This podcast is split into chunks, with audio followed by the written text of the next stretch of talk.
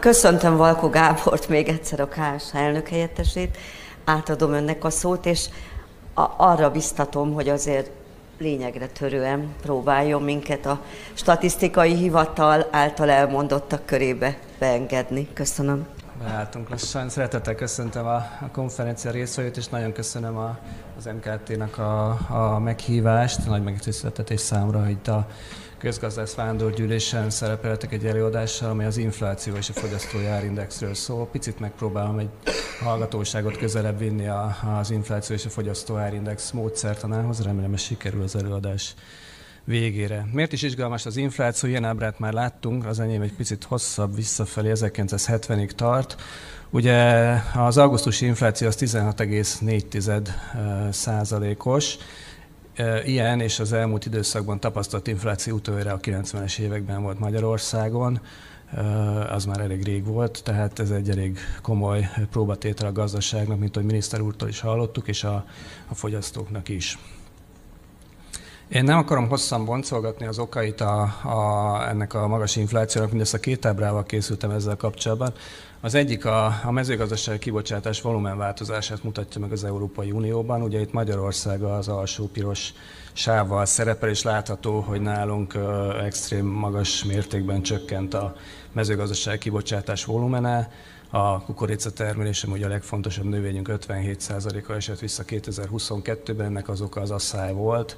Ugye egy katasztrófa sújtotta, övezet volt a magyar mezőgazdaság nagyjából 2022-ben, és ez meglátszott a termelői árakon is, ezek 50%-kal növekedtek, amik ugye aztán átsugároztak a, a, a ipari, tehát élelmiszeriparba, majd aztán a kiskereskedelmi fogyasztói árakba is.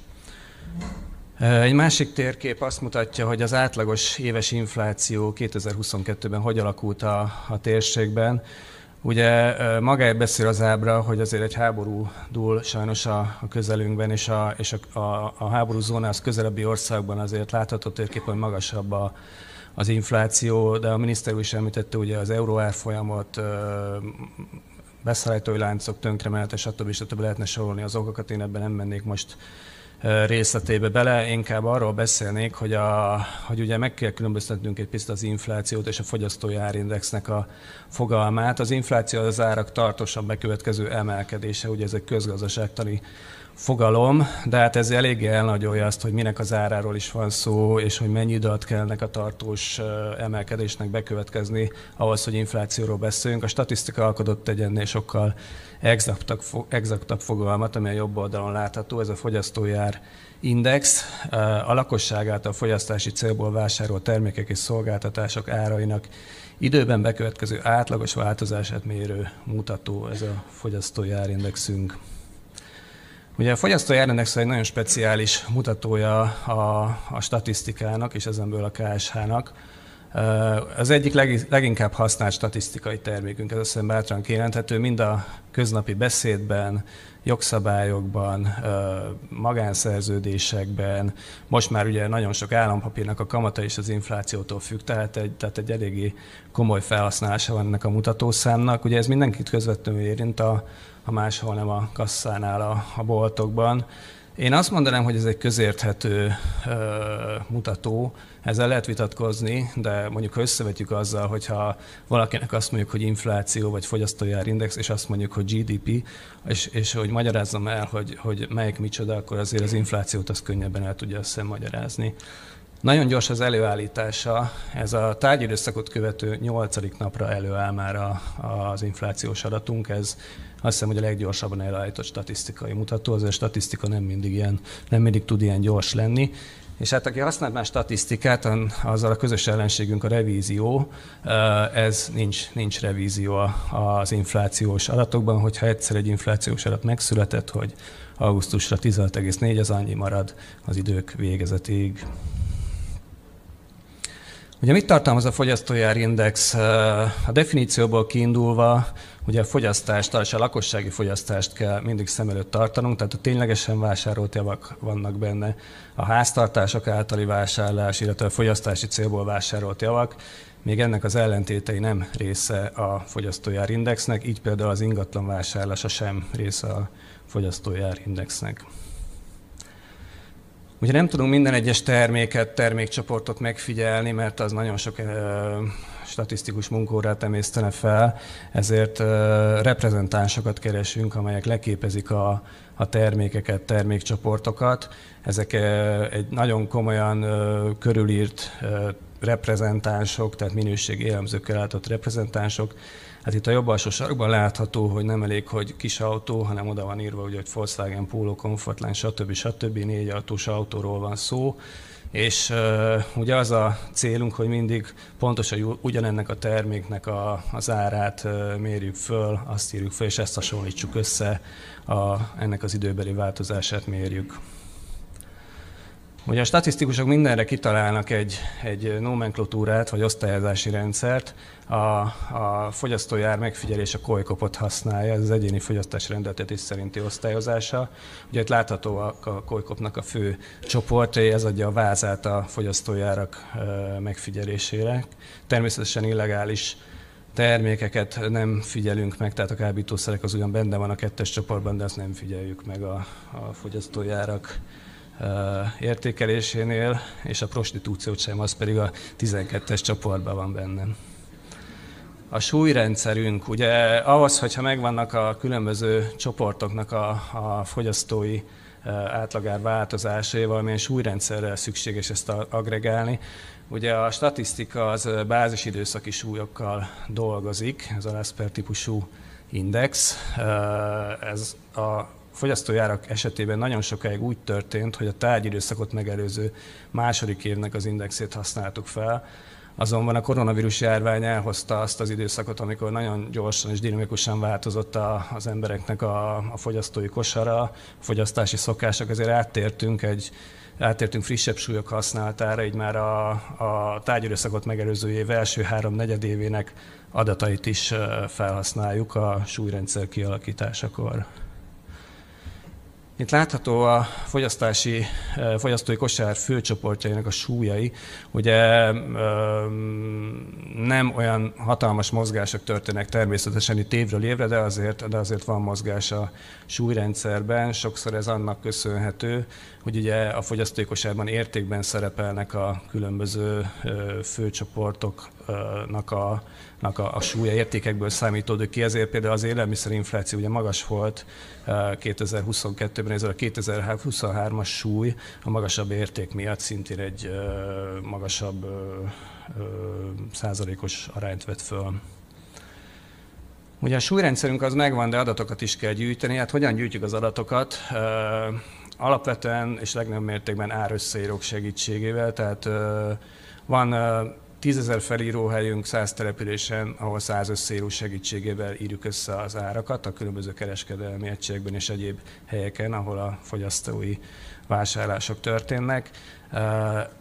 Nagyon sok árunk keletkezik, havonta összesen 78-79 ezer árunk keletkezik, és ebből számítódik ki végül is a végén a fogyasztói árindex. Itt az, az a lényeg, hogy mindig pontosan ugyanannak a terméknek az árát írjuk föl hónapról hónapra, lehetőség szerint ugyanazon a napon, ugye itt a munkanapok azok meg a hétvégig azok ezt azért nem mindig teszik lehetővé, és ugyanabban a kereskedelmi egységben. Tehát próbálunk minden inkább állandóságra törekedni, hogy minden más hatást kiküszöböljünk, és csak a tiszta árhatás jelenjen meg a fogyasztói árindex számítása során. Vannak központi árak, tehát kár lenne minden postára elmenni és megnézni, hogy mennyibe kerül a, egy levél feladása, tehát ezt központra gyűjtik le a kollégák, itt nem alkalmazunk árösszeírókat. Vannak internetes gyűjtéseink, például a, a repülőjegyeket, azokat, azokat a kollégáim interneten keresztül uh, nézegetik. Be, meg egyre több helyen vetünk be most már modern gyűjtési technikákat, például a web scraping technikát, például a használt autó.hu-t, azt ilyen technikával nézzük, és a használt autóknak az adatait onnan így gyűjtjük le. Hát próbálkoztunk repülőjegyekkel is, de ez picit kudarcos volt, mert volt olyan honlap, ahol azt értük el, ahogy nézegettük az árakat, hogy mentek fölfelé az árak. Tehát, és azért mi inkább mérni szeretnék az inflációt, és nem okozni, úgyhogy ezt abba hagytuk ezzel a technológiával. És hát a jövő az pedig a szkender és vonalkódadatoknak a begyűjtése lesz nagyobb cégektől. Itt majd tárgyalásokat fogunk folytatni a különböző kereskedelmi egység képviselőivel. Ugye az adatgyűjtési időszak az a, Alapvetően a hónap elején folyik az első 14 munkanapot, ezt követi az adatelőkészítés feldolgozás, majd pedig a publikáció, ugye a tárgyhót követő 8. napon. Ugye van az fogyasztói árindex, mint fő mutató, de ezt kiegészítik egyéb mutatók is, amik kapcsolódnak a fogyasztói árindexhez. A legismertebb ezek közül a maginfláció, amelyek az infláció velejét próbálja meg megragadni, mindenféle külső hatások nélküli inflációt próbál számolni. Aztán van a harmonizált fogyasztói árindex, de erről majd a következő diában beszélek. Vannak úgynevezett rétegárindexek, amelynek kitüntetett szereplője a nyugdíjas fogyasztói árindex. Ezeknek az a szerepe, hogy egy bizonyos társadalmi rétegnek a, a fogyasztói kosarát veszi számításba, és az ő inflációját külön-külön kiszámolja.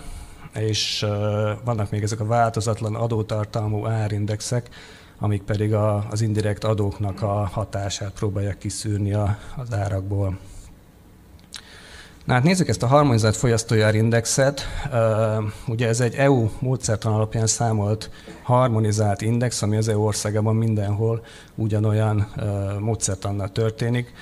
Azt itt zárójelben megjegyezném, hogy, a, hogy az Eurostat maga nem uh, számít és nem gyűjt tagországi adatokat, tehát minden Eurostatos adat az a tagországtól származik. Tehát így ez a harmonizált fogyasztójárindex is a tagországtól származik, csak az Eurostat ugye együttesen hozza nyilvánosságra a többi ország adatával együtt. Hát itt a táblázatban látható, hogy mi a különbség, a harmonizáltban benne vannak a turisták is, még ugye nálunk a saját indexükben csak a Magyarország lakosságának a fogyasztói kosárát veszük számításba, és felhívnám a figyelmet itt az utolsó sorra, mert ez most nagyon izgalmas pont ebben a hónapban, hogy a szolgáltatásokat másként veszi figyelembe a, a két módszertan. Nálunk a hazai indexnél a számlázás időpontjában, tehát ha mondjuk tegyük föl, megemelkedik a gáznak az árak, a számlázás időpontjában uh, kerül ez bele a fogyasztójárak statisztikájában, még a harmonizált fogyasztójár indexben már a szolgáltatás igénybevételekor. Tehát ez most ebben a hónapban egy két százalék pontos különbséget okoz a hazai fogyasztójárindex és a harmonizált fogyasztójárindex között. Ez sokkal kisebb szokott lenni egyébként normál időszakban. Ennek az oka, hogy tavaly augusztusban emelkedett meg ugye az energiahordozók háztartási ára, és ez már a harmonizált fogyasztójárindexben már kifutott ez, a, ez az alacsony bázis, és most már magas bázishoz hasonlítva egy alacsonyabb fogyasztójárindexet mutat a harmonizált fogyasztójárindex, még a nemzetiben csak a jövő hónapban fut ki, ugye szeptemberben. Itt láthatóak a főbb inflációs mutatók, nagyon ezt nem kommentálnám, annyit mondanék csak el, hogy a nyugdíjas infláció azért látható, hogy milyen magas volt itt az inflációs csúcsok közelében. Ez amiatt, hogy a nyugdíjas kosárban az élelmiszerek azok jobban reprezentáltabbak, mint a, mint a többi rétegnek az inflációs vagy a fogyasztói kosárában, bocsánat. Itt láthatók a rétegindexek a különböző társadalmi rétegekre vonatkozóan főcsoportonként. Itt a súlyarányokat látjuk ezen, a, ezen az ábrán. Ami érdekesség, ugye a kék az összes háztartást, és a sárga pedig a nagycsaládos háztartásokat mutatja hogy ez a, ezek a csoportonkénti súlyarányok, ezek, ezek nagyon hasonlóak, tehát nem nagyon tér el a fogyasztási szerkezete ezen a szinten legalábbis a nagycsaládosoknak az átlagostól. Viszont ugye az alacsony jövedelműek, a narancsárga osztop, nem tudom mennyire látszanak a feliratok, az, az például az élelmiszerek esetében sokkal magasabb, az élelmiszerek aránya az ő kosarukban, és például az üzemanyagoknál sokkal alacsonyabb. Hát ennek megfelelően nyugdíjasokhoz hasonlóan az alacsony jövedelmi háztartásoknak a, a fogyasztójár indexe is magasabb volt, mint akár a, a, az átlagos fogyasztójár index, vagy a magas jövedelműek háztartásokra vonatkozó fogyasztójár index, pontosan amiatt, hogy náluk az élelmiszerek ugye magasabb súlyjal szerepelnek.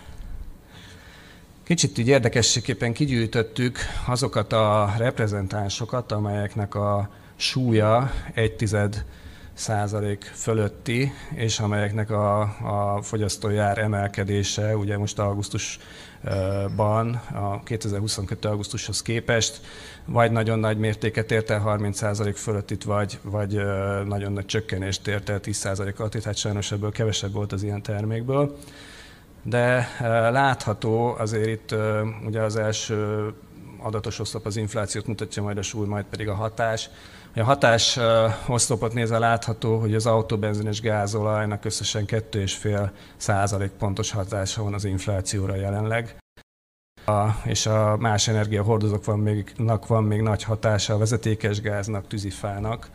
És azért az, hogy a kristálycukornak ugye egy 69%-os áremelkedését mérjük, viszont ö, nem olyan nagy a súlya a fogyasztásban, ezért az egy sokkal kisebb hatást tudott generálni. Én csak most szembesültem azzal, hogy szegény kisállattartók, a macskaalom és a kutyatáp esetében mekkora áremelkedéssel kell, hogy szembesüljenek, szinte dobogósak most ezen a, ezen a listán. Én ezt nem is tudtam, nekünk nincs állatunk, hogy így én ezt nem tudtam így felmérni. És a másik oldalon viszont a, a videójátékot használók örülhetnek legjobban, mert ott volt a legnagyobb az árcsökkenés. Felszeretném hívni a figyelmet az inflációs kaleidoszkópunkra. Most sajnos ezt nem tudom, hogy dinamikusan megmutatni, mert hogy csak kivágott ábrát tudtam betenni. Ez a KSH honlapon elérhető, úgyhogy házi feladatként, aki érdeklődik, az nyugodtan nézze meg közelebbről. Ez, ez nagyon hozzásegíti az embert ahhoz, hogy, hogy jobban megértse az inflációnak a logikáját, illetve a fogyasztói árindexnek a logikáját, Ugye a téglalapok nagysága az jelzi a súlyát a, annak a termékcsoportnak, amiről, amiről szól ugye a, a fogyasztói árindex. A bal oldali ilyen nagyobb álló téglalap az ugye az élelmiszereknek a köre, és, ezek, és a, a szín pedig azt jelenti, hogy, hogy mennyire magas a, a fogyasztói árindex ezekben a termékcsoportokban. Ugye minél pirosabb, illetve bordóbb, annál erőteljesebb az áremelkedés, és a hideg színek pedig az árcsökkenést jelentenék. Hát itt most csak a járművek esetében van árcsökkenés ezen a, az ábrán, is inkább a használt autóknak a, a piacán lehet mérni árcsökkenést. És hát itt is ez a, ez a jobb oldalon, ez a pici piros négyzet, ez itt az állateledel az, az megjelenik, mint erőteljes ár, árnövekedést mutató csoport, és hát a háztartási energiát középen ez a, ez a, a függőleges oszlop, hogyha valaki belekattint, a, belekattint majd otthon a közlekedésbe, akkor nagyon szépen látszik a, az országbérlet, illetve a vármegye a hatása, mert például a közlekedésben ott egy árcsökkenés, egy sötét-kék téglap jelenik meg, csak most ezt ugye itt nem tudom megtenni. Viszont ide vágtam még a tavaly augusztusi kaleidoszkópot, hát látható a különbség, ugye ez a tavaly augusztusi, itt az élelmiszerek azért még sötétebbek voltak sokkal, látható a súlyarányoknak is a változása, és akkor még a hírközlés volt, ami, ami egy árcsökkenést mutatott abban az időszakban. Van egy inflációs radarunk is, ez egy ilyen pókháló diagram, ez nagyjából kicsit egyszerűbb eszközökkel hasonló képet mutat. Az egyes fogyasztási csoportok ugye mennyi, milyen fogyár növekedéssel szerepelnek a fogyasztójárindexben. Össze, megpróbáltam összeszedni azt, hogy, hogy miért érezzük általában magasabbnak a fogyasztói árak növekedését, mint amilyenek a statisztikai hivatalok mérése alapján. Ez nem egy magyar sajátosság, ez mindenhol így van. Világ összes országában egy külön irodalma van, hogy a, hogy a percepció az miért mutat magasabb inflációt, mint a ténylegesen mért infláció. Hát ugye kezdeném azzal, hogy a személyes fogyasztói kosarunk az eltér az átlagos fogyasztói kosártól. Tehát ha van köztünk kutyatartó, és ő neki tényleg a száraztáp az ennyibe kerül, akkor ő, akkor ő úgy érzi, hogy hú, most nagyon, nagyon sokat fizetett, és nagyon-nagyon-nagyon nagy inflációval szembesül. Még másoknak, ugye, akinek nincs kutyája, ő nem, nem vásárol ö, kutyatápot. Általában a növekvő árak az, azok jobban megragadják a figyelmünket. Emellett jobban emlékszünk azokra a költésekre, amiket gyakran teszünk meg, és különösen amit készpénzzel vagy kártyával ott a kasszánál teszünk meg, mint azok a költések például, amiket átutalással teljesítünk, vagy, vagy például csoportos beszedéssel szednek le tőlünk, az úgy eltűnik a számlára, azzal nem annyira foglalkozunk, de a kasszánál meglátjuk, hogy 23 ezer forint, akkor hú, de sok, tehát hogy van egy ilyen ilyen pszichológiai jellemzője az embernek, hogy az, hogy az sokkal jobban megragad a figyelmében. És van egy ilyen felejtési hatás is, vagy a memóriának a, a nem tökéletessége is. Ugye a, a fogyasztói árindex az pontosan 12 hónapnak méri mindig a, az árváltozását, ehhez képest a memóriánk az megcsalhat minket, és egy régebbi időszakra emlékszünk, hogy akkor még olyan olcsó volt, és, és azzal hasonlítjuk össze a mai árakat, holott az mondjuk egy két-három évvel ezelőtti ár lehetett uh, esetleg. Ugye a KSH nem foglalkozik a, a jövőbe látással, a jövő statisztikai adatainak a, a kommunikálásával és számításával, de ezért mégis megpróbálom, hogy mindenkit az érdekel, hogy milyen lesz az infláció. A minisztérium már mutatott ugye görbét, hogy, hogy milyen, milyen lesz a minisztérium szerint az infláció, és a mi prognózisunk is nagyjából hasonló képet mutat egyébként. Itt most néhány ábrával szeretnék kicsit, kicsit közelebb vinni a közönséget ahhoz, hogy mégis mi vár ránk. Ugye ez egy kicsit ilyen tankönyv ízű példázat arra vonatkozóan, hogy hogyan működik a fogyasztójárindex. A teremben ülők többsége szerintem ezzel tisztában, de azért mégis elmondom, hogy ugye mindig a 12 hónappal ezelőtti értékhez viszonyítunk, így ha mondjuk egy ilyen egyszerűsített világban, hipotetikus világban megjelenik egy árhatás, ami befolyásolja a fogyasztójárindexet, az csak 12 hónapig marad a fogyasztójárak rendszerében, mivel a, az alacsony bázist felváltja egy magas bázis, mondjuk itt például 23. augusztusában, ezért a fogyasztójára hirtelen leesik nullára megint, mert az árhatás az egyszerűen eltűnik a, az infláció számításából. Ez gondolom itt talán érthető volt. Mindezt azért mondtam el, mert vannak olyan hatások a, a mai, a mai ö, fogyasztói árak rendszerében, amelyek egyszerűen ki fognak futni a rendszerből, és lehet előre látni, hogy mennyivel csökkentik majd a, az inflációt. Ilyen a már említett ö, energia, áremelkedés, vagy ilyen a, a benzinástop kivezetése, ami decemberben került bele a rendszerben, tehát idén decemberig hordozzuk magunkkal, úgymond ezt az áremelkedést, majd utána el fog tűnni az inflációból. Mutatok most két nagyon pozitív kicsengésű ábrát. Egyrészt a mezőgazdasági termelői és és, a, és az élelmiszer árindexnek az összehasonlítását. Ugye ezek az indexek úgy békeidőben nagyon szépen együtt mozogtak, de aztán elkezdtek a, a mezőgazdasági termelőárak úgy 21 tájéken meredeken emelkedni, és ezt szép lassan követte utána az élelmiszer árindex is. Majd a, a mezőgazdasági termelőárak csökkenésnek indultak, és az élelmiszer árindex is egy kicsit késve követte ezt az értéket. Ugye a, idén a mezőgazdasági, a mezőgazdaság sokkal jobb képet mutat, mint tavaly, tehát egy jó termés várható, különösen a tavalyihoz képest és az árakban is az ugye megmutatkozik, hogy már, már árcsökkenésről beszéltünk a mezőgazdasági termelőárak esetében. Ez remélhetőleg azért át fog szivárogni a fogyasztói árakba is minél hamarabb. A másik nagyon hasonló ábra az ipari termelői árindexet mutat, veti össze a fogyasztói árindexe. Teljesen hasonló nagyjából a görbéknek a, a menete, és itt is az ipari termelői árindex az már nagyjából 100 környékén jár, tehát nagyjából a stagnálásban megy át az ipari termelői árindex, és ezt is azért vélhetően követni fogja a fogyasztói árindexnek a, a lefutása. Ez, amit, amit miniszter úr is mondott, ez egy kicsit azért aggasztó az inflációval kapcsolatban, hogy a üzemanyag árak azok pillanatnyilag fölfelé haladnak. Itt ugye egyébként tettük a oldali ter, tengelyen mérve a nyersolajnak a világpiaci árváltozását, még a baloldali tengelyen a, az autóbenzin és a gázolajnak a, az árváltozása látható, a hazai árának a változása látható. És azért itt eléggé indulnak fölfelé ezek a görbék a végén. Nem tudjuk, hogy ez meddig tart ez az áremelkedés, de azért ez egy picit aggasztó a, a jövőre nézve. Végeztünk egy számítást itt az előadás kedvére, ami, ami nem egy hivatalos becslés a KSH-nak, és egy nagyon leegyszerűsített becslés, tehát semmi hókusz-pókusz nincs benne, nem vettünk figyelembe semmilyen extra gazdasági hatást, ami érhet minket a, a közeljövőben. Mindezt azt néztük meg, hogyha az árak stagnálnának, tehát nem lenne semmiféle árnövekedés mostantól fogva, akkor, akkor mennyi lenne az infláció, ezt ez a zöld szaggatott vonal jelzi és ennek mentén 105,6-ig tudunk eljutni decemberre.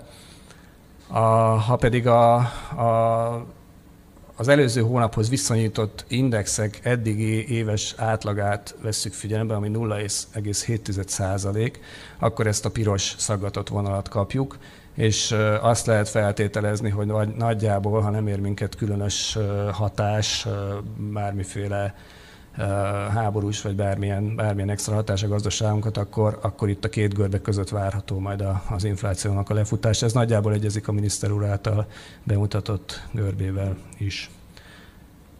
Nagyon köszönöm a figyelmüket, és külön köszönöm, hogy ennyien maradtak még az utolsó előadásra a teremben, és remélem, hogy sikerült a módszertant valamilyen szinten bemutatni önöknek. Köszönöm szépen!